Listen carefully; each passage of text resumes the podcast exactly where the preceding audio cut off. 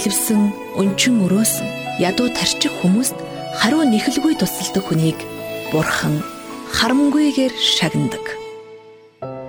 Христ мэндэлсний баярт зориулсан сайн үйл нэвтрүүлэг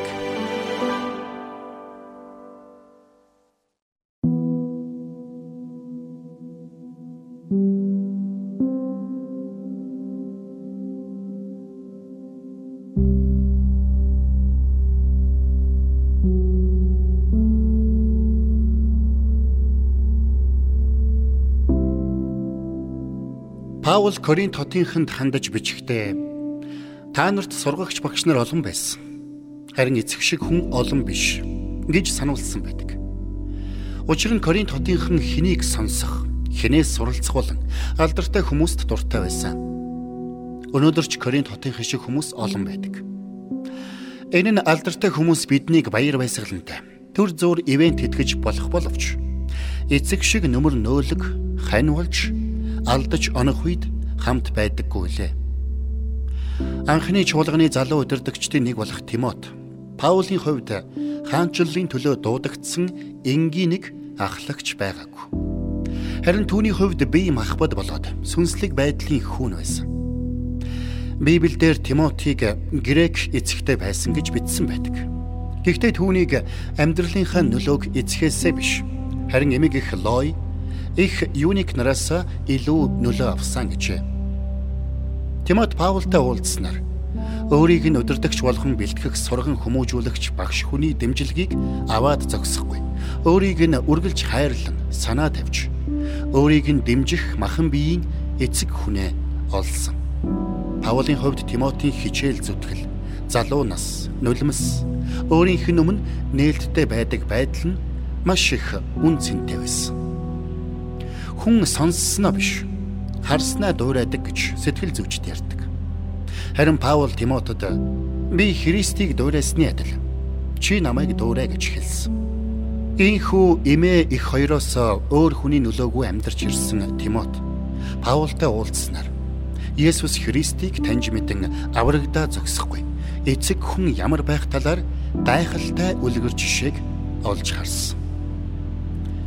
Хүний амьдралд Паул шиг хүмүүс тэр болгон тааралддаггүй. Зарим багш нар зөвхөн чадвар, мэдлэг заадаг бол харин Паул шиг багш нар зөвхөн хэрэгтэй байгаа чадвар, мэдлэгийг биш хүн байхыг харин өнгөрсөн амьдралын дутагдсан талбар дээр эдгэрсэн байхыг хүсэж халамжилдаг.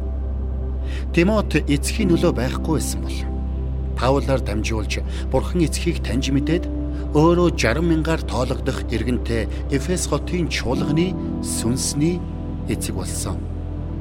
Тиймээс өнчин өссөн залуусыг дурсамж дотроо амьдрахаас сэргийлж сэтгэлийнх нь хоосон орон зайг нөхөж өгөх нь итгэгч бидний хамтдаа хийж чадах Бурханаас өгөгдсөн үүрэг юм. Учир нь багш нар олон байдагч эцэг шиг хүн цөөхөн байдаг.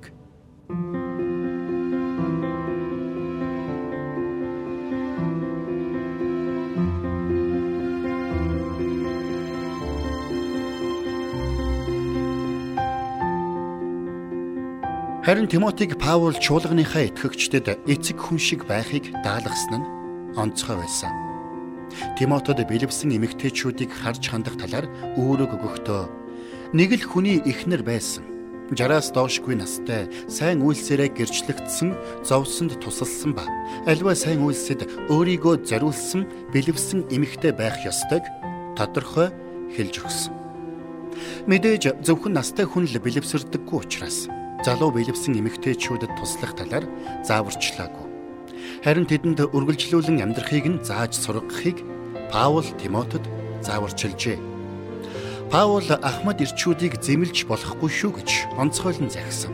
Энэ бүхнээс харвал Паул Тимотиг чуулганы сайн удирдагч, хайр халамж, нөмөр нөөлгөөр дутсан хүмүүсийн эцэг шиг нэгэн байж чадна гэж итгэдэг байсан нь харагдаж байна сайн үйлсээрээ гэрчлэгдсэн гэдэг үг. Тимотед бичсэн загтал дээр цөөнгүй дурддагдсан нь хүмүүст бурхныг таньж мэдхийг заах нь хангалтгүй.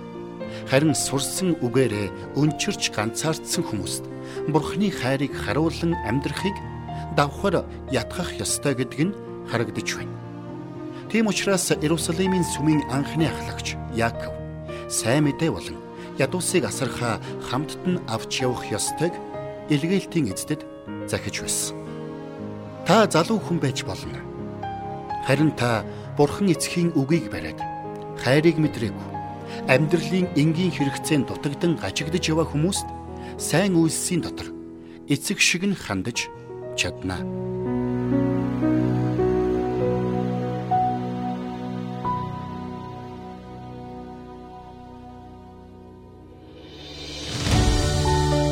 Зовж үдсэн хүн зовлонг илүүгэн ойлгодог.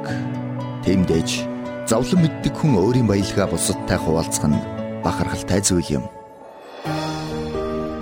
Бусдад өгдөг хүн бурхантай ойр байдаг. Христ мэндэлсний баярт зориулсан сайн үйл нэвтрүүлэг танд хүрлээ.